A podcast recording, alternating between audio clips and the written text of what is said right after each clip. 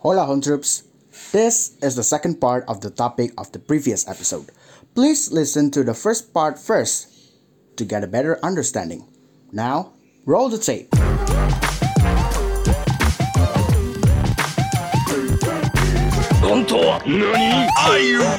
Honto Podcast. Nah, kalau dalam urusan bisnis seperti yang Fulvia sama Alma bilang tadi, itu kan eh, wajar untuk eh, memiliki suatu yang good looking karena itu representation eh merepresentasikan your company gitu. Karena kalau eh, your company eh, diri lu sendiri gitu. Nah, eh, itu salah satu poin bagusnya kalau lu harus eh, emang suka nggak suka orang akan judge book by its cover gitu. Walaupun dalamnya ternyata misalkan ancur-ancuran misalkan. Nah, begitu. Nah, itu lanjut ke ini ke mana nih sebentar ya. Jadi eh ini belok kanan belok kiri soalnya. Jadi eh mengacu ke yang tadi, kenapa sih beauty standard hanya dikaitkan dengan fisik gitu? Ini kan menyambung dengan yang cover tadi tuh. Hmm. Ayo siapa dulu? Alma dulu mungkin. Kak Fulvia dulu kali ya tadi. Oh, Fulvi bisa. Ah, silakan Kak Fulvia. Kenapa beauty standard always tentang fisik ya gimana ya? Tadi sebenarnya berkaitan sih sama uh, jawaban aku yang sebelumnya ya. Hmm, Karena memang orang pertama kali ketika ngelihat kita yang dilihat mukanya, yang badannya, yang bajunya, ya kan? Bukan bukan hati dan uh, mindsetnya gitu, Asik. kasarnya ya. Jadi kayak kenapa beauty standard itu eh melulu soal fisik? Kalau kita tarik lagi ke depan tadi, karena memang eh media itu menyampaikannya juga memang tentang fisik selalu, gitu. Kayak misalnya Hmm. atau kayak brand itu juga menyampaikannya juga eh, secara tidak langsung juga tentang fisik. Kayak misalnya eh, cewek, misalnya gini, udah terbentuk nih, pokoknya udah terbentuk image perempuan yang cantik adalah yang tinggi, badannya badannya langsing, rambutnya eh, lurus, nggak nggak gimbal, terus abis itu eh kulitnya kulitnya mulus, nggak ada jerawat-jerawat eh, di badan, terus di muka juga mulus, nggak ada pori-pori terbuka atau nggak ada bekas jerawat, dah terbentuk tuh. Itu adalah standar standar perempuan hmm, itu. Itu standar perempuan. Atau uh, how how women should look like gitu. Dari situ kebawa ke mana-mana, kebawa ke mana-mana bahwa perempuan yang cantik tuh yang begitu. Perempuan yang layak adalah perempuan yang kayak gitu. Gak tahu gimana semua orang tercuci otaknya, terubah mindsetnya bahwa perempuan yang cantik itu yang begitu. That's why orang ngeliat apa pun, ngeliat eh, eh, kalau misalnya harus menilai seseorang atau menilai perempuan specifically eh, di topik ini, itu lihat harus begitu bentuknya. Atau paling tidak mendekati deh. Gitu loh kasarnya. Nanti nggak sih? Yes. Jadi Hmm, benar. eh, jadi kayak mau nggak mau, jadi beauty standard tuh dilihatnya dari situ. Perempuan harus kayak gitu, at least. Gitu. Jangan yang gendut lah, jangan yang gembrot, masa berlemak begitu, perutnya malu-maluin. Padahal nggak ada urusannya sama eh, kemampuan dia bernyanyi.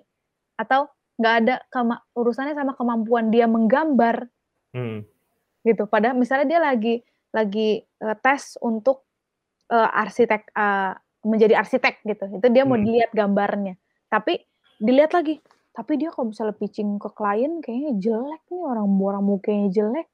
Kan nggak nyambung. hmm. Kan yang dijual bukan itunya gitu loh. Skill yang harusnya kan. Heeh, apaan sih nggak nyambung. Nah dari situ beauty standard tuh kenapa fisiknya tuh ujung-ujungnya itu lagi, ujung-ujungnya balik lagi ke tempat yang tadi. Kenapa fisik balik lagi ke ke awal-awal karena udah ada bentuknya, udah ada gambaran fisiknya. Nah, Hmm. tugas orang-orang di sini, tugas rakyat seperti kita yang memiliki suara di sosial media masing-masing, karena kan Instagram Kaiman adalah punya Kaiman, Betul. Instagram Alma adalah punya Alma, Instagram saya punya saya, gitu kan? Itu untuk menyuarakan karena semakin kita bersuara, semakinlah eh, apa ya? Semakinlah orang-orang jadi jadi jadi eh, banyak tahu perspektif lain daripada Hmm. apa yang digambarkan sama brand-brand atau media-media tadi. Gitu. Betul. Ciu. Jadi kan kalau tadi tuh dari Fulvia ya. Nah, kalau dari Alma sendiri gimana sih? Kalau dari gue sendiri ya, em, kenapa beauty standard itu selalu dikaitkan dengan fisik? Karena Mm-mm. Menurut gue kalau misalnya beauty di dalam diri lo sendiri itu semua orang mempunyai em, apa ya istilahnya hmm, sifat dan juga atau mungkin karakteristik yang berbeda gitu. Sebenarnya sama sih sama fisik. Hmm. Cuman yang lebih menonjol itu adalah kan fisik. Ketika lo nggak tahu orang tersebut yang lo lihat pertama kali itu adalah fisik. Itu dia kenapa Hmm. beauty standard tuh ada. Sebenarnya sama sih sama Kapulvia ya. Orang tuh nggak mungkin ketika pertama kali lihat nih kan sekarang mostly orang-orang berinteraksi hanya lewat sosial media. Mostly lo kenal dia tuh lewat sosial media. Kayak misalnya gue kenal A, gue nggak tahu orang itu personally, tapi gue tahu dia Hmm. dari foto-foto dia di sosial media. Balik lagi, sosial media itu kan nggak bisa ya every everything in social media is mostly fake kan mostly itu adalah branding kita apa yang kita mau bukan branding apa yang beneran ada di diri kita sendiri jadi yang bisa hanya bisa indikator yang bisa em, istilahnya yang bisa dinilai Hmm. secara gamblang secara transparan itu adalah fisik sih walaupun sekarang udah ada filter dan lain sebagainya itu adalah fisik Iya. kayak gitu Em, beauty lo maksudnya beauty inside inside beauty lo itu nggak bisa difilterin inside beauty lo itu nggak bisa diedit pakai Mhm. eh, apa namanya beauty application tuh nggak bisa itu kenapa ya yang makanya menonjol adalah beauty standard. Orang-orang berlomba-lomba untuk menjadi cantik. Gak peduli gue busuk. Gak peduli gue eh, apa namanya mean girls in real life. Yang penting gue cantik kayak gitu. Itu kenapa ada beauty standard. Karena ya kita nggak bisa mengu- memungkiri lagi ya. Nggak bisa dipungkiri Hmm. lagi ketika lo punya fisik yang cantik lo akan lebih dihormatin daripada lo yang mungkin standar aja kayak gitu itu gue terjadi di gue itu kayak eh, bukan bukan masalah grooming. Kalau tadi kan grooming gitu ya. Ini masalah kayak misalnya lo punya opinion gitu kan. Terutama kayak di pertemanan deh gitu ya. Favoritism itu ada. Terutama kalau misalnya lo cantik itu favoritism tuh ada. Kayak pendapat lo akan lebih dengar di- ketika lo enak dilihat. Istilahnya fisik lo cantik dan sebagainya. Tapi ketika lo ya nggak terlalu cantik lo akan kayak jadi bahan olok-olokan kayak gitu kan nggak peduli lo mau baik ya lo mau ngasih orang banyak lo kayak jajanin lah segala macam ketika Hmm. ya kalau misalnya mereka bilang lo nggak cantik ya lo akan akan ada celah aja untuk dibully itu kenapa orang-orang mengejar beauty standar bukan beauty di dalam diri sendiri walaupun itu penting banget ya itu sebenarnya penting Hmm. Salah satu yang terpenting lah. ya. itu penting banget Hmm. cuman hmm, cuman itu dia tadi balik lagi ya orang akan eh nggak bisa dipungkiri sih itu bukan kalau lo mau mau ngerubah itu juga susah udah mengakar udah mendarah daging. Eh, orang yang akan cantik itu beauty privilege ya kita sebutnya. Itu akan lebih di lebih di em, hormatin lah kayak gitu istilahnya. Walaupun lo mau sebaik mau lo sebusuk apa nih ini mungkin kayak contoh ya ini study case ya. Hmm. misalnya ada misalnya nih eh, gue sebut sebut nama gak ya artisnya? Nggak usah deh. Ada dulu artis yang pemain film yang sempet em, kena kasus ganja. Yang ganteng lah. siapa sih yang nggak tahu dia dia ganteng banget. Terus sebelumnya tuh ada lagi penyanyi yang pernah kena kasus ganja juga sama nih kasusnya. Cuman yang dihujat yang mana? Lu bisa nebak lah yang dihujat yang mana. Oh iya iya. penyanyi itu yang fisiknya nggak terlalu ganteng kalau menurut orang-orang ya. Nggak sesuai sama beauty standar dia. Dihujat lah bisa-bisa oh udah nggak ganteng lah. Ah, lu nggak udah nggak ganteng nggak punya nggak punya manner segala macam oh abis deh tuh sosial medianya. Tapi ketika nih cowok satu ganteng banget wah kayaknya lah ya kalau cowok cewek-cewek kalau ngeliat bahkan cowok kalau ngeliat dia tuh kayak gila orang ganteng banget. Itu dimaklumin kayak ya ampun semoga tabah ya sabar ya semoga dilalui eh, semoga apa namanya eh, cepet masalahnya cepat berakhir cepat keluar dari penjara kayak gitu. Itu contoh dari kenapa beauty standard itu ada. Orang tuh mengejar beauty standard itu ada dibanding ya itu eh, Hmm. sifat lo atau misalnya eh, kebaikan lo itu sendiri. Lebih kayak gitu sih Nah iya. alasannya Mengacu pada yang tadi Alma dan Fulvia bilang ya, yang Hmm. dilihat kan eh, lebih ke eh siapa namanya brand bukan branding apa namanya physically gitu, tapi eh, Hmm. good looking ya gitu. Nah, karena yang dilihat orang itu ya pertama kan wajah tadi dilihat ya bukan iman dan takwa gitu kan. Itu kan Hmm. beda lagi. Waduh, kalau iman Ramadan beda lagi ntar. Ah, Oke, baik. kita kita lanjut ke selanjutnya nih. Jadi eh, ke- ini kan sekarang sebenarnya gerakan ini tuh udah dari dulu ya, dari Hmm. abad sebelumnya kalau nggak salah dari eh, even dari tahun 1800-an 90 gitu Mm-mm. eh, gerakan ini tuh sudah mulai gerakan pertamanya. Nah, sekarang tuh juga semakin orang makin wake dengan eh, gerakan ini yaitu feminisme. Nah, Hmm, menurut lo tuh ada nggak sih feminisme itu mengubah seputar beauty standar tuh? Oke, mungkin dari Kak Fufia kali ya tadi. Fufia. Ya. Feminis eh apa feminisme Mm-mm, Betul. terkait Nah, dengan itu pertanyaan. beauty standar. mm-mm. Jadi ada nggak sih Oh. feminisme itu ada nggak sih pengaruhnya kepada perubahan beauty standar gitu-gitu atau bahkan menyumbang sih gitu? Mm-mm. Gerakannya masif ya. Oke. Mm. Kalau menurut aku sih eh, the two eh, the both si feminisme dengan eh, beauty standards nggak terlalu bersinggungan sih. Mm. Menurut aku kayak that's the whole different things gitu mereka Mhm. berdua itu. Karena kayak feminisme kan tentang kayak eh, perempuan itu aja sih untuk lebih Hmm. kayak untuk keyakinan bahwa perempuan itu bisa setara dengan eh, gender lainnya misalnya gitu kan. Mm. Tapi kalau beauty standard itu lebih ke kayak standar kecantikan eh, di yang yang dimiliki sama society gitu kan Mm. Hmm, gitu. Tapi misalnya kayak perannya si feminisme untuk merubah atau untuk mengimprove si uh, beauty standard bisa aja, bisa aja dari misalnya kayak ya udah perempuan kan harus setara. Terus uh, dengan cara menyetarakan perempuan ya berarti dengan menyetarakan juga beauty standard yang ada gitu, nggak harus beauty standard yang superior aja misalnya gitu kan. Paling gitu sih perannya uh, uh, feminisme terhadap si pembuatan atau penggambaran beauty standard ini cuman uh, mereka berdua nggak terlalu bersinggungan sih hmm. two different things mereka punya their own job uh, desks Hmm, I see. Hmm. Nah, kalau dari Alma, apakah setuju dengan pendapat Fulvia Hmm, atau ada mungkin- pendapat lain?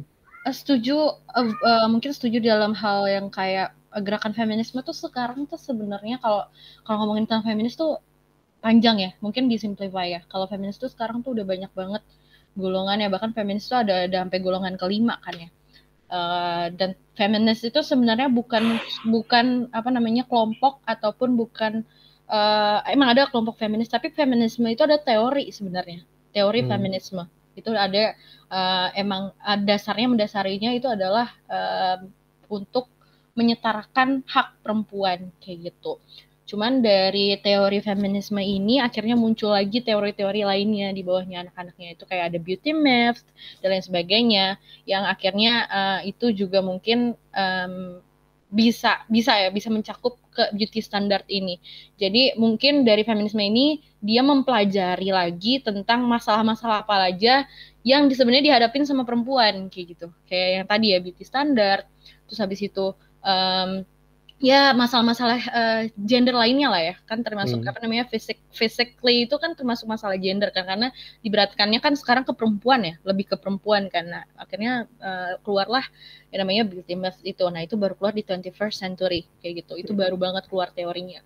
Karena adanya itu ta- tadi apa namanya eh, standarisasi kecantikan kayak gitu kan. Terus habis itu eh kayak komodifikasi perempuan di media. Nah itu akhirnya kan media kan baru keluar kan baru di 21st century ya yang berupa Hmm. eh, apa namanya baru berupa kayak apa namanya iklan dan sebagainya. Itu kan di 21st century kayak gitu. Dan itu eh, akhirnya keluarlah itu beauty myth itu Eh, dipelajari sorry, itu dari abad 20 berarti. Iya abad 20 tapi Berdasarkan 20 baru- eh, maksudnya em, apa namanya eh, di pelajaran itu di 21st century yang ba- Hmm. baru banget rame tentang beauty standard itu kan di 21st walaupun di dulu-dulu tuh udah ada kan orang Hmm. woke-nya tuh di 21st baru akhirnya keluarlah beauty myth itu eh, yang dipelajari oleh feminisme. Hmm. Nah eh, kalau menurut gue eh, pandangannya feminisme kenapa bisa eh, istilahnya bisa di link dengan beauty standard ini ya itu dia dia mempelajari masalah-masalah perempuan termasuk beauty myth. Jadi mungkin dari tadi gue ngomongin beauty myth itu apa sih? Beauty myth itu tadi gambaran media terhadap komodifikasi perempuan gitu sebagai Hmm. komodifikasi di media.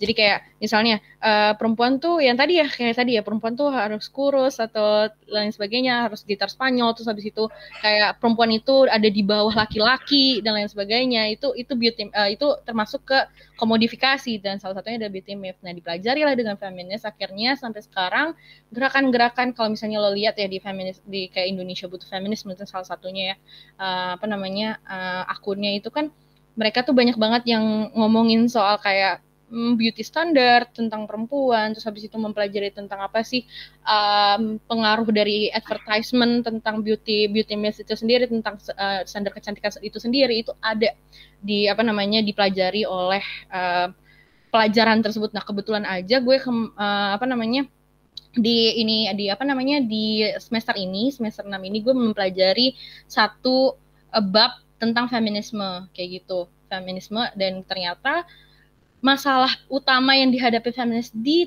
di abad sekarang ya di era globalisasi itu sekarang adalah bukan lagi salary bukan lagi uh, ketidaksetaraan gender lagi tapi lebih ke beauty standard itu sendiri. Itu Hmm. uh, kebetulan dosen gue sendiri yang ngomong kayak gitu. Jadi uh, lagi kan lagi marak banget ya namanya operasi plastik. Gua- I don't have any problem with that. Bahkan gue nanti mungkin kalau ada duit bisa gitu lah ya.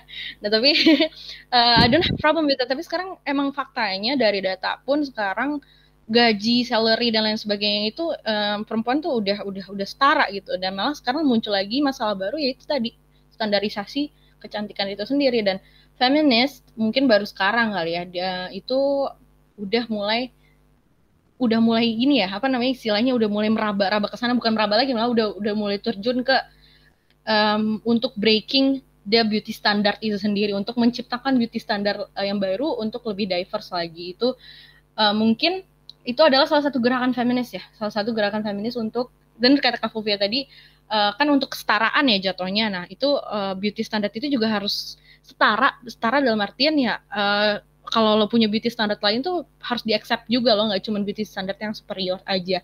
Nah itu salah satu gerakan feminis. Jadi menurut gue karena masalahnya mostly di perempuan, mungkin pandangan feminisme itu uh, dibutuhkan juga di apa namanya beauty standard ini. Karena kan feminisme nggak selamanya kesetaraan ya, tapi ada sifat pertama perempuan itu adalah hmm, yang di apa ya istilahnya yang dianut oleh oleh feminisme itu adalah kepedulian itu yang mendasari dari uh, feminis itu sendiri itu adalah sifat peduli dari ibu kayak gitu. Itu yang mendasari yang melahirkan feminis. Jadi peduli akan standar kecantikan pandangan feminisme uh, menurut gue lumayan uh, ini ya link ya lumayan lumayan berkesinambungan seperti itu Asik. yes Itu menarik banget sih tadi pembahasannya. Nah, kita sekarang eh, belum lagi eh, ini loh di Indonesia tuh kemarin sempat eh, kalau di saat waktu ini recording tuh bulan Juli ya. Jadi bulan Juli 2021 ini Hmm. eh, sempat ada sesuatu yang menggegerkan dunia media sosial gitu. Kayak di Hmm. intro tadi yang gue bilang kalau gue tuh sampai ngeluar 5W1H gitu kan. Mhm. Wahnya waduh waduh waduh sampai hadah gitu. Jadi eh, nah, jadi eh, ada satu model nih. Em, dia tuh tiba-tiba meramaikan karena menurut dia Victoria's Secret yang sekarang tuh tidak se-superior yang dulu gitu misalkan. Nah, eh, kual secara kualitas yang jadi menurut dia tuh modelnya tuh menurun dari tahun ke tahun gitu, tidak sesuai dengan beauty standard model tersebut. Nah, Hmm. gimana sih pendapat lo soal ini gitu? Hmm. Eh, tentang statementnya si beauty influencer tersebut ya Betul. Mhm. pendapat aku sebenarnya kalau kita bahas lagi ke yang awal Hmm. everybody uh, deserves to have their own opinion dan Hmm. Kepemilikan sosial media adalah kepemilikan pribadi. Ya betul. Hmm. jadi kayak bebas punya beauty standar sendiri terserah. Dan suara setiap orang di sosial media adalah suara masing-masing gitu kan. Nggak apa-apa gitu. Namun ada em- satu embel-embel di sini eh, yaitu adalah dia adalah em, beauty influencer atau influencer yang memiliki followers yang bisa dibilang lumayan banyak gitu mau nggak mau suka nggak suka dia adalah public figure Hmm. mau nggak mau suka nggak suka public figure punya pengikut Yes. mau nggak mau suka nggak suka opini dia pasti ada yang ngikutin Hmm. gitu kan dan kita nggak eh, aku sih nggak nggak mau lihat nggak mau nggak mau singgung salah atau benarnya dia tapi lebih ke kayak tingkah dia atau kelakuan dia itu tidak bijaksana aja karena kurang kurang sensitif lah gitu kan karena kan Hmm. topik itu kan sensitif ya untuk Banget. untuk menggunakan kalimat-kalimat atau kata-kata yang kurang eh, considerate sama sekitar, eh, menurut aku sih harusnya bisa dipikirkan lagi, harusnya bisa Hmm. disampaikan. Kalau misalnya ini urgensinya tinggi banget nih, saya harus banget nih kritik tentang ini, berarti harusnya kalimatnya mungkin ditimbang lagi, diulangin lagi, dipikir lagi, gimana ya biar tidak menyakiti suatu komunitas atau suatu eh, orang pribadi. Hmm. Menurut aku, seorang public figure punya tanggung jawab untuk itu, punya tanggung jawab besar banget untuk bisa menjadi representasi dan me- bertanggung jawab untuk mempunyai rasa eh, sensitivitas yang tinggi juga untuk apa yang dia bicarakan ke orang banyak. Gitu, karena dia punya followers yang banyak. Hmm. Menurut aku sih gitu. Harusnya bijaksananya seperti itu.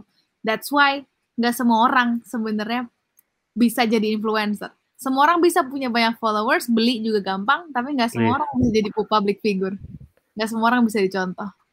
Sabi. Gitu. Kalau kata Tutun preach anjay.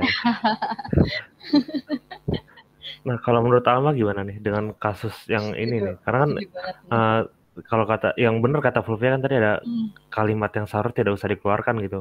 Yes. Eh, kalau ini sebenarnya trigger warning lagi. Hah? Tapi itu tuh takutnya reverse psikologi kalau ngomong trigger warning malah didengerin gitu. Gak Jadi, apa-apa eh, sih. dia Kan kita bilang- ada TW dulu ya. Yes, eh, dia bilang tuh kayak eh, burik lah segala macam gitu-gitu Hmm. kan. Dan eh, yang aneh, mungkin yang bikin konfliknya itu kan nggak hanya dari openingnya dia, tapi banyak juga yang dari teman-teman dia yang beauty, eh nggak beauty juga sih. Eh, katakanlah beauty influencer juga, Mhm. eh, dia me- mengamini gitu. Dan sementara yang Iya, iya. eh, bukan rakjel juga sih, maksudnya masyarakat yang memiliki itu kan juga protes akan audiens ya, audiensnya Iya. ya. Oke. Ah, gimana ya? ini ini suatu hal yang sebenarnya kemarin tuh gue bener-bener kayak sampai ngelus dada. Ya ampun, kok gini amat. Bener ya, 5W1H nggak? everyone. 5W1H, bener waduh waduh waduh waduh waduh hade gitu ya kalau kata Iwan.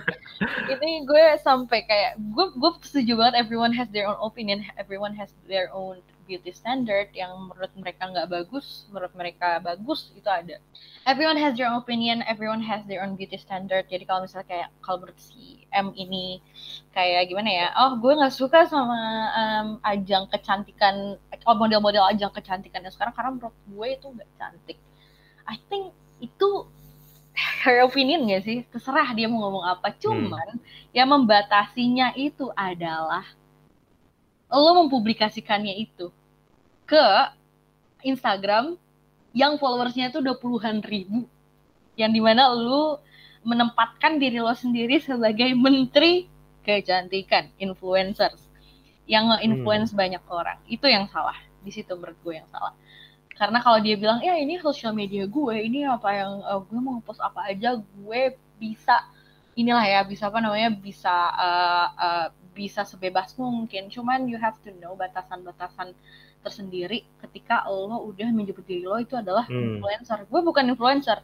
Cuman as a per, as, some- as someone yang ngikutin beberapa beauty influencer lo tuh harus tahu your action has consequences. Jadi ketika orang nggak setuju dengan apa yang lo sebutin dengan apa yang lo keluarkan banyak orang yang hujat dengan itu lo harus terima itu. Lo nggak bisa denial kayak gitu. Tapi cuman gue tahu sih kenapa dia build different ya.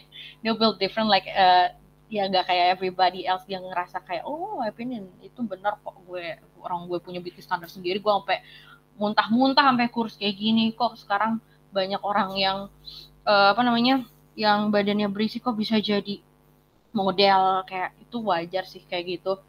Cuman ya itu you don't have to gimana ya? You don't have to ngeluarin suara lo ngeluarin opini lo yang seperti itu. Karena gue yakin banget banyak orang-orang yang sekarang lagi berusaha untuk mencintai diri dia sendiri tapi ketika ngelihat posan itu akhirnya jadi trigger buat diri dia sendiri. Kayak oh itu tipe badan gue mirip sama dia berarti gue tuh nggak pantas untuk jadi model.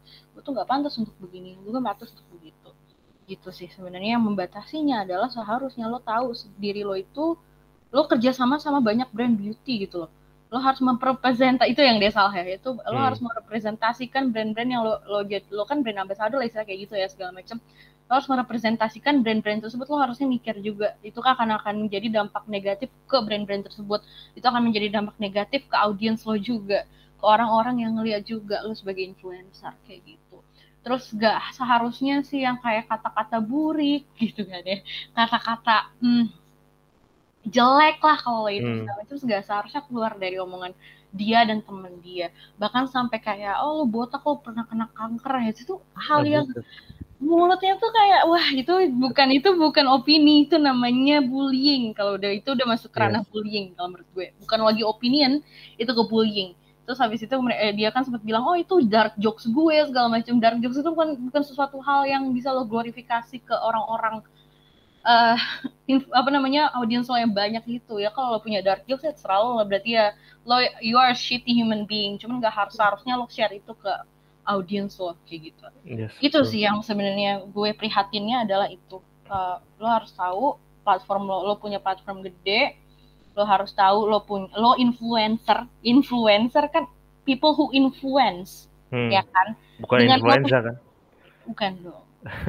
Demam dong itu kalau misalnya itu dia influencer lo tak lo lo lo bisa menginfluence banyak orang. Dan you have to know your action has consequences. Your action itu bisa jadi sesuatu hal yang bikin orang lain bisa bikin gimana ya bisa bikin orang lain tuh ngerasa makin istilahnya makin terpuruk dengan kondisi diri dia sekarang. Karena balik lagi lo influencer. Kalau mungkin lo nge-share itu di close friend lo yang orang-orang udah tahu kalau misalnya lo emang kayak gitu atau di second account lo atau di third account lo tuh mah bodo amat gitu orang juga nggak akan marah gitu kan. Tapi lo nge-share itu di Instagram yang lo jadiin bisnis Instagram bisnis gitu yang seharusnya lo pakai sewise mungkin. Itu yang jadi masalah. Gue nggak peduli lo mau punya beauty standard lo mau lo kalau lo pikir emang kalau misalnya diri lo ngerasa kalau misalnya yang berisi itu nggak cantik gue nggak peduli itu. Kita nggak peduli itu itu beauty standard lo yang salah adalah ketika lo udah menggunakan itu untuk menjadi bullying itu sih yang salah. Dan lo Iya. share ke orang-orang ke wide your wide audience gitu ke di Instagram bisnis lo. Itu sih menurut gue yes betul. pandangan gue. Eh, gue setuju banget nah itu kalau dia bilang itu dark jokes ya itu motor gue juga dark jokes itu buat didudukin gitu. Nggak lucu ya? Jadi jok motor gitu maksudnya kan. Tapi eh, itu dia em, karena takutnya kalau orang tuh eh, dia beropini gitu dan sementara dia membawa rentetan brand di belakang namanya itu takutnya eh, orang beropini oh brandnya berarti mensupport their opinion. Karena sekarang kan eh, cancel culture juga eh, kencang gitu dan mungkin pembahasan cancel culture mungkin akan dibahas di topik lain. Cuman eh, itu kan eh, sesuatu yang kencang gitu. Mungkin takutnya juga brandnya eh, menarik kerjasamanya menarik keuntungannya dari dia gitu. Takutnya brandnya kan di, di diasosiasikan dengan opininya dia gitu. Hmm. nah ini nam nam. nah em, apakah beauty aku apakah sih?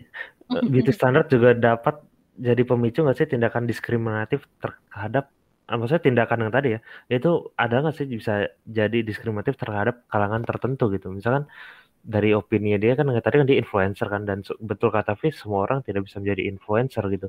Bener. jadi influenza iya bisa. Itu kan tiap hari juga bisa. Hmm. cuman eh, apa namanya jadi ya maksudnya gimana sih? Em, bisa nggak sih itu jadi pemicu terjadi konflik lagi gitu?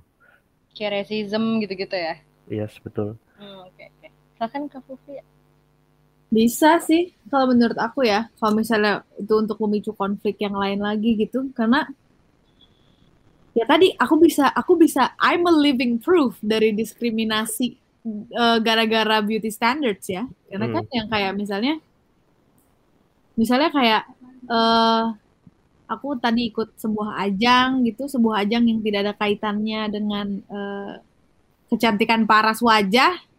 The, apa apa itu ajang yang kayak dengan talenta aku tapi tetap yang dilihat juga paras wajah atau kayak beauty standard aku gitu kan misalnya jadi jadi jadi diskriminasi gitu loh hmm. jadi kayak bisa terus ada juga ada juga uh, cerita bahwa uh, aku kan orang Batak ya hmm. aku kan orang Batak cuman waktu itu aku uh, masuk ke sebuah lomba lomba di daerah hmm. Jawa Barat ya yang mana mostly ya, orang Jawa Barat gitu. Nggak usah spesifik lah tapi orang Jawa Barat. Aku kan beda sendiri ya. Maksudnya kayak hmm. I'm I'm built differently. Ya karena memang aku orang Batak gitu. Aku bukan orang Jawa Barat gitu kan. Beauty standarnya orang Jawa Barat tuh ada uh, se ada dengan kayak misalnya cewek kemayu mukanya kecil kalau ngomong hmm. suaranya kecil gitu. Sementara hmm. gue kayak begini ngomongnya gitu loh ya kan atau kayak muka mukanya kecil badannya kecil rambutnya imut mukanya imut sementara gue kayak enggak ketika gue datang kayak gue ketika kayak gue datang gue paling gede badannya paling tinggi gitu kan hmm. itu juga jadi diskriminasi bahwa kayak ternyata uh, gue harusnya menang saat itu tapi nggak jadi menang karena gue bukan orang Jawa Barat hmm. karena fisik gue tidak sesuai dengan orang Jawa Barat misalnya gitu Buseng. gitu hal-hal itu tuh terjadi especially uh, di wilayah atau di lingkungan yang belum uh, terpapar dengan globalisasi atau modernisasi seperti kita kita kan hmm. dari universitas yang alhamdulillah lebih internasional lah hmm, dan betul. alhamdulillahnya juga wilayahnya di Jakarta gitu. Alhamdulillahnya di tengah-tengah uh, kota Jakarta yang mana kita tuh cepet banget berubahnya pace-nya tadi yang kita bilang dari awal juga banyak sekali term-term cancel culture, fit phobic, fat phobic, ini itu ini gitu lah maksudnya kayak knowledge-nya berjalan terus. Hmm. Tapi kita nggak bisa sama ratakan dengan knowledge kita, uh, knowledge teman-teman kita atau uh, orang-orang lain yang di luar Jakarta. Seperti yang aku bilang tadi, gitu. Hmm. Nah mereka tuh masih percaya bahwa orang Sunda harus begini, orang Jawa harus begini, orang Batak harus begini, cewek harus begini, cowok harus begini, gitu. Hmm. Ya kan? Ini kita misalnya kita nggak nggak bicara uh, bigger cop, tapi kita bicara fisik doang misalnya orang hmm. perempuan tuh harusnya fisiknya seperti ini. Kalau misalnya gambaran orang Jawa kan berarti harus kurus, kecil, imut, lebih kecil dari cowoknya, misalnya gitu kan? Betul. Nah itu tuh masih ada, gitu. Nah beauty standard bisa nggak menjadi diskriminasi? Bisa sekali, gitu. Uh, uh, uh, especially di wilayah yang tidak uh, terpapar uh, globalisasi atau modernisasi seperti wilayah kita. Kenapa kita bisa ngomong ini dengan lancar? Kenapa aku sama Alma sama Kaiman cocok banget ngomongnya dari tadi lancar, tidak ada hmm. uh, tidak ada hal yang bertentangan karena kita di lingkungan yang sama. Betul betul. Gitu, gitu. Jadi uh, kenapa diskusi-diskusi kecil seperti ini harus selalu dijalankan terus, harus selalu di raise terus, awarenessnya naik terus. Kenapa? Karena kalau bukan kita yang bahas, siapa lagi? Yes. Benar-benar banget gitu. Jadi aku sih ngerti gitu. Jadi bisa terjadi banget diskriminasi, tapi mau sampai kapan? Hmm. Gitu. Pertanyaan seribu seribu apa ya? Seribu pertama sih. Eh, pertanyaan seribu yang eh maksudnya itu banyak bener pertanyaan yang uh, apa namanya paling harus banget ditanyakan itu sebenarnya. Hmm silakan dilanjut. Asik dilanjut. Uh, gue pribadi belum pernah ngalamin rasisme uh, dari beauty standard itu sendiri cuman teman-teman gue hmm. yang gue punya banyak banyak banget temen ya, dari Papua dari Kalimantan dari Ambon dan lain sebagainya itu banyak banget. Itu um, sempat kena diskriminasi karena kulitnya karena hmm. itu dia ya karena kulitnya. Terus karena uh, their bones terus habis itu struktur semua pokoknya struktur tulang struktur muka itu sempat kena diskriminasi. Ini sebenarnya cerita temen gue ini trigger warning lagi ya guys. Hmm. ini harus disuarakan sih karena ini masih banyak banget yang kayak gini. Dan teman-teman yang gue kenal aja tuh masih melakukan hal kayak gini. Jadi gue punya uh, ini pacarnya sahabat gue. Dia tuh dari Papua dia tuh uh, sekolah Nani? yang kebanyakan orang-orangnya tuh mostly itu dari Jakarta gitu ya. Nah, uh, kebetulan aja teman sahabat gue ini dia punya circle gitu lah ya, eh, circle cewek-cewek lah ya kayak gitu. Nah, uh, akhirnya ada di suatu saat lah, akhirnya si temen gue ini pacaran nih sama pacarnya. Pertama kali yang temen-temen dia ucapin adalah, kok mau sih? Buset. Temen gue tuh, uh, temen gue tuh sama juga orang Batak juga. Dia cantik banget pokoknya. Uh, terus habis itu ditanya, kok mau sih? temen gue tanya lah kenapa emang ya? Kan dia orang Papua gitu. Terus kayak hah terus apa hubungannya? Digituin sama sahabat gue. Ya lo lihat aja kan hitam terus anak lo gimana? Terus kayak temen gue di situ marah kayak lo terus maksud lo apa? Kayak gitu. Emang maksudnya apa? Kalau emang kalau misalnya kalau anak gue hitam nggak emang kenapa nggak cantik? Gitu kan. Ya lebih hmm. cantik kan lo kalau misalnya lo cari bule Landra lo kan eh nyebut nama lagi. Ya temen gue namanya Andre ya. Andre gue ceritain ya. Cerita bukan anda backbone kan? Bukan dong. Oh, siap. Uh, lo kan ini lah lo kan lebih cantik kalau misalnya eh, lo kalau anak lo kan lebih lebih istilahnya memperbaiki keturunan ketika lo pacaran lebih muda gitu gitu terus kayak dia marah di situ dia nggak terima. Terus maksud lo uh, orang kulit hitam nggak ganteng orang kulit hitam nggak cakep gitu. Oke sih bukan gitu cuma memperbaiki keturunan. Terus dari situ dia langsung cut out temen-temen dia dia ngerasa kalau misalnya wah ini udah gak bener nih karena itu dia karena dia ngerasa kalau orang bule yang putih itu ganteng dan juga cantik sedangkan orang-orang Indonesia yang punya uh, yang terutama di timur ya eh, orang-orang timur itu cantik cantik dan gantengnya tuh belum belum sampai ke level yang mereka harapkan gitu loh. Hmm. Padahal ya ampun orang-orang Papua, wah gue sih pengen ya apa namanya uh, punya banyak teman dari orang Papua sana oh, karena okay. mereka tuh open mind enggak dong dia dekat dia dekat dia enggak, enggak, gue sih pengen punya banyak teman dari orang Papua karena hmm. men Indonesia tuh beragam gitu kulitnya dari yang ada yang putih banget sampai ada yang uh, apa namanya fair skin ada yang tan skin ada yang black skin dan everyone has their own dia has their own beauty gitu loh nggak lu nggak harus putih untuk cantik orang-orang Papua sana sekarang udah udah udah benar-benar breaking the standard kayak mereka udah bisa jadi Miss Indonesia, merepresentasikan Indonesia ke luar negeri, jadi apa namanya pageant di sana dan sekarang juga banyak banget yang jadi model dan lain sebagainya. Ya seharusnya lo bisa ngeliat itu gitu loh. Lo harusnya bisa ngelihat hal itu perubahan tuh udah ada di depan lo. Perubahan itu apa cantik itu nggak selamanya putih gitu seharusnya itu. Dan akhirnya dari situ muncullah rasisme kan? Akhirnya lo kan itu kan ya itu itu aja lah itu kan hmm. dia orang Papua itu kan rasis kan? Hmm. dia kan orang Batak dia kan orang Padang dia kan orang Jawa dia orang Sunda dia orang oh oh dia orang orangin itu ya. Hmm. orang-orang sawah enggak ya? Ya dong. Itu dia orang-orangin gitu. Karena itu tadi kan dia orang misalnya dia orang Padang gitu.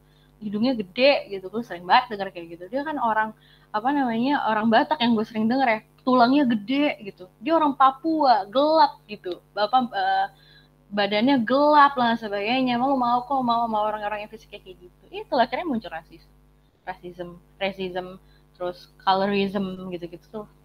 Itulah dari beauty standard itu juga bisa muncul hal-hal yang kayak gitu. Gitu sih.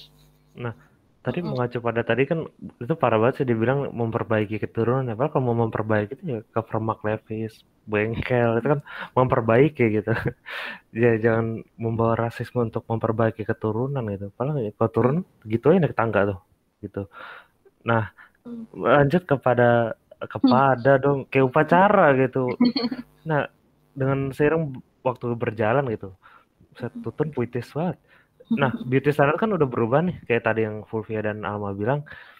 Uh, kira-kira uh, lo punya contoh nggak sih campaign yang break the conventional walls? Bukan bukan walls es krim ya. Nah, kemudian punya nggak uh, itu yang sehingga standar kecantikan tuh ada yang berubah gitu. Hmm. Ada tidak asik? Dari... Banyak banget ya Kak Fulvia ya. Banyak, Banyak banget sekarang. Kalau uh, tapi itu campaign-campaign gitu tuh kayak kayak apa ya? Kayak tergantung ngikutin influencer siapa. Kalau kamu ikutin influencer siapa Alma? Kalau misalnya bicara beauty standard gini. Hmm.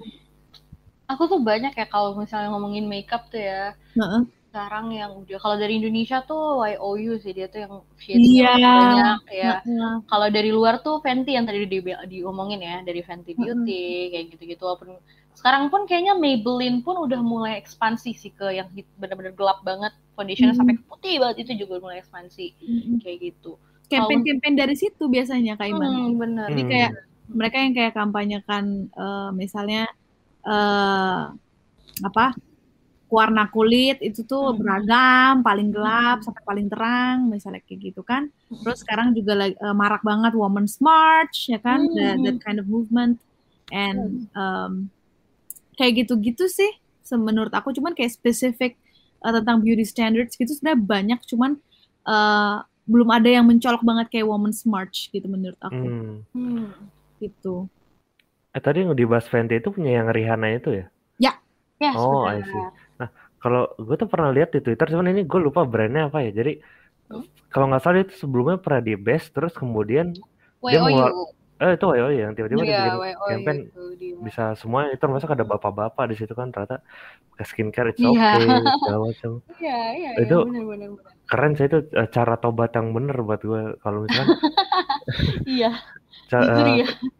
kan kadang ada yang itu eh, ketika kena masalah ya ngebash si lawan bicaranya termasuk yang salah satu beauty influencer yang tadi diomongin di awal gitu eh nggak di awal sih berapa pertanyaan sebelumnya di awal jauh banget gitu Eh, gitu nah berarti tadi ada YOU ada ini nggak apa-apa kita sebut brand karena ini mereka niatnya baik asik Fenty terus udah itu dong berarti ya dua itu ya yang campaignnya menurut lo tuh keren banget ya Eh iya sih, karena itu biasanya didorong sama brandnya mereka juga kan, dan mereka punya Hmm. implementasi langsung bahwa kayak nih kampanye ini eh tentang sentimental sentimental ini, ini brandnya, eh misalnya ini produknya nih kita punya, misalnya gitu Hmm. kan. Kalau Woman Smart itu bukan campaign sih, lebih ke movement kayak gitu. Hmm. Eh, kalau misalnya brand-brand gitu kan enak dia udah langsung ada implementasinya, kayak misalnya kayak Hmm.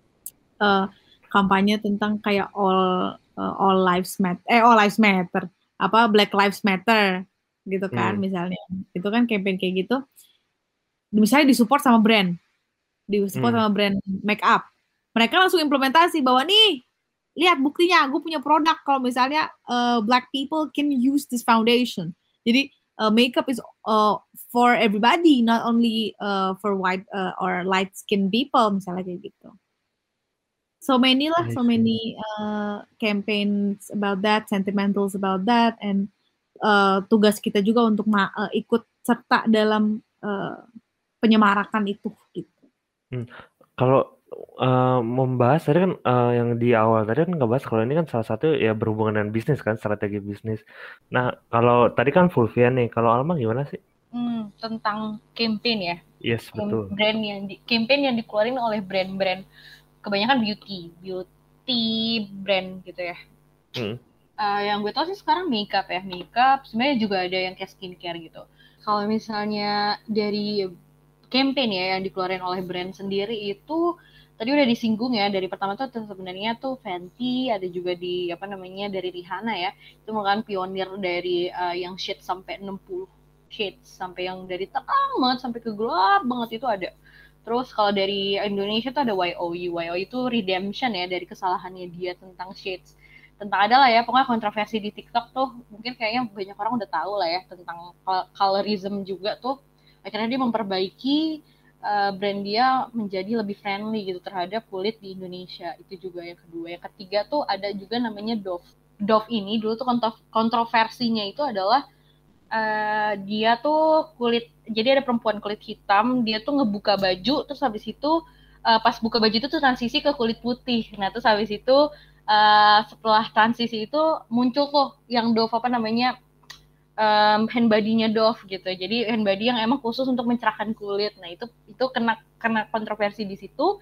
Akhirnya setelah kontroversi itu Dove mulai rebranding nih sama apa namanya sama model-modelnya dia dari semua dari dari size dari segala size tuh dia ada dari plus size dan lain sebagainya dari uh, sampai yang ke petit itu juga ada terus habis itu dari uh, apa namanya badan dari yang fair sampai yang ke black skin itu ada semua Dove itu karena redemption itu sendiri. Nah, nggak cuman campaign brand doang sebenarnya sekarang kayak apa um, girl band, terus uh, band dan lain sebagainya. Kalau lo tahu Little Mix itu juga udah sering banget menggaungkan apa namanya um, beauty in your own way, in your own shapes itu udah sering banget campaign-campaign mereka yang ada yang mereka gaungkan itu juga termasuk salah satu yang istilahnya bisa nge um, nge-break beauty standard dari girl girl group itu sendiri. Kan kalau misalnya kita ngomongin tentang girl group kan harus putih, harus tinggi, harus langsing. Nah, si Little Mix ini punya campaign tersendiri nih yang tadi nih. Kalau misalnya cantik nih lo nggak seharusnya cuman kurus doang tapi every shapes of your body is beautiful. Every every every skin every skin color is be are beautiful kayak gitu. Kayak benar-benar ya dari situ hal-hal kecil gitu. Bahkan mereka secara gamblang uh, apa namanya uh, me melihatkan scratch mark terus habis itu uh, acne gitu-gitu dan itu dinormalisasi. Dan akhirnya uh, ya itu dia breaking the beauty standard itu sendiri. Itu sih campaign banyak banget gak cuma dari beauty standard tapi dari penyanyi dan lain sebagainya gitu. Itu juga jadi kayak good campaign move eh good PR move berarti ya kalau iya, dia uh, dari yang tadinya dia kontroversi jadi ternyata dia ngebalikin itu dengan satu yang uh, campaign yang justru melawan stigmanya mereka gitu yang awal kena bad sides-nya gitu. Nah, ngomong ke yang tadi nih uh, kan si uh, si kan kan di awal Fulvia bilang nih kalau uh, brand itu melakukan ini juga karena ada marketing research-nya gitu.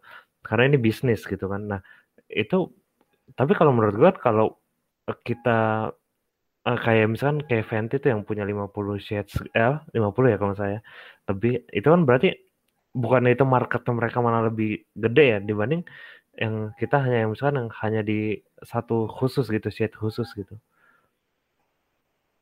Uh, jadi maksudnya uh, market market research itu bisa widen dia punya bisnis. Iya, kalau soalnya menurut gue uh, kalau mereka melebarkan itu kan berarti targetnya kan banyak kan menambah iya, bener, menambah bener. Iya, menurut hmm. aku bener sih. Jadi kayak hmm. kayak gini sebenarnya hmm. bisnis aku aku aku memang karena hanya berkecimpung sedikit lah di di di di topik ya apa di industri itu ya jadi jadi aku bisa ngomong sedikit aja da luarnya aja jadi bisnis itu kan eh, kadang-kadang dibuatnya nggak kadang-kadang sih mostly memang dibuatnya itu memang mengikuti pasar atau mengikuti isu yang lagi hits nih sekarang gimana atau uh, bikinnya untuk market yang uh, kalau bisa sebesar-besarnya gitu untuk mendirect sales yang se selebar-lebarnya dan setinggi-tingginya juga gitu kan. Hmm. Kita nggak bisa salahin brand lain yang selama yang kemarin-kemarin itu nggak punya shade atau nggak nggak nggak nggak menyinggung atau tidak mensupport uh, isu ini gitu kan? Inklusivit inklusivitas ini misalnya. Karena memang dulu topiknya belum sesentimen sekarang belum sesensitif sekarang gitu. Atau belum ada belum ada suara yang terdengar untuk bikin shade uh, darker gitu kan? Hmm, oh iya benar. Gitu. jadi maksud aku karena beauty standard itu masih sangat kotak sih kemarin hmm. masih kotak banget gitu kan tapi kalau sekarang uh, dengan uh, yang tadi dengan dengan diskusi yang sudah melebar dengan uh, pandangan yang semakin beragam itu tuh isu isu-isu ini menjadi menjadi topik pembicaraan dan hal-hal uh, ini menjadi pertimbangan yang tadinya tidak pernah di tidak pernah dikonsiderasi sama sekali jadi jadi dipertimbangkan jadi yang awalnya ya udahlah kalau misalnya lu black people kagak usah makeup kayak gitu. Hmm. jadi jadi sekarang nggak bisa dong. Black people juga harus punya shit gitu. Itu kan adalah hasil dari perkembangan sebuah diskusi perkembangan conversation gitu kan. Hmm. dan market research yang dijalankan oleh bisnis itu fokusnya untuk lihat hal-hal ini hmm. karena ada peluang bisnis yang besar di sini besar banget gitu kan jadinya sekarang Fenty Beauty terkenal banget bahwa dia adalah brand saat per pertama yang dia inklusivitasnya paling tinggi, misalnya gitu. Inisiatif untuk uh, in, uh, menjadi inklusif itu dia paling pertama. Nah, itu kan berarti uh, not only mereka dapat social impact, mereka juga dapat business impactnya, economically, hmm. ya kan? Yeah. Secara business perspektif gitu. Meskipun sebenarnya kasarnya tujuannya bisnis itu memang tujuannya ya untuk sales, untuk uang lagi, untuk uang lagi, untuk uang lagi. Tapi kalau dia peduli, kalau brand tersebut peduli dan uh, market uh, dan dia mau untuk riset pasarnya, untuk riset marketnya. Impactnya besar sekali ternyata. Bukan hanya uang, it's more than that. Hmm. Ternyata ada nilai kebudayaan, nilai sosial yang ditanamkan baru, yaitu adalah ternyata uh, Black Lives Matter. Balik lagi ke kampanye tadi. Benar-benar. Beauty, beauty, beauty standard dilebarkan lagi dari itu. Benar gitu loh. Tapi hal ini tidak akan bisa kita achieve tanpa diskusi-diskusi kecil seperti ini. Bayangkan diskusi kecil seperti ini dilakukan 10 kali dalam uh, satu jam di, di seluruh dunia worldwide. Nanti lama-lama diskusinya melebar, diskusinya me, me, apa, nyampe ke mana-mana, terbentuklah apa yang kita punya sekarang. Betul. Kayak gitu. Jadi menurut aku ya itu pentingnya dari situ, dari hal-hal kecil ini bener bener banget bener kalau Alma gimana sama sih sebenarnya kan tadi itu udah disebut disinggung juga ya gue sebagai hmm. uh, um, istilahnya kan uh, ini ya lebih lebih ke uh, konsumen ya gue tuh hmm. lebih lebih akan nge-support brand yang istilahnya uh, balik lagi walaupun emang uh, brand-brand mungkin yang enggak nggak punya uh, yang masih in, in, inklusif gitu ya eksklusif hmm. bukan inklusif lebih eksklusif kayak punya shadesnya cuma mungkin 45 itu kita nggak bisa kita salahin cuman balik lagi karena shades gue lebih ke kuning ya gue tuh kan base tone-nya tuh kuning agak susah juga untuk nyari apa namanya walaupun udah banyak sekarang agak susah tetap agak susah untuk nyari yang skin tone-nya tuh agak kuning lebih ke kuning gitu agak agak susah nyari. Gue tuh akan lebih nyari ke uh, brand-brand yang shades-nya tuh banyak gitu. Jadi emang uh, balik lagi ya kalau misalnya tentang marketing itu sendiri kalau gue sendiri gue akan lebih uh, lebih bukan support ya lebih akan yeah.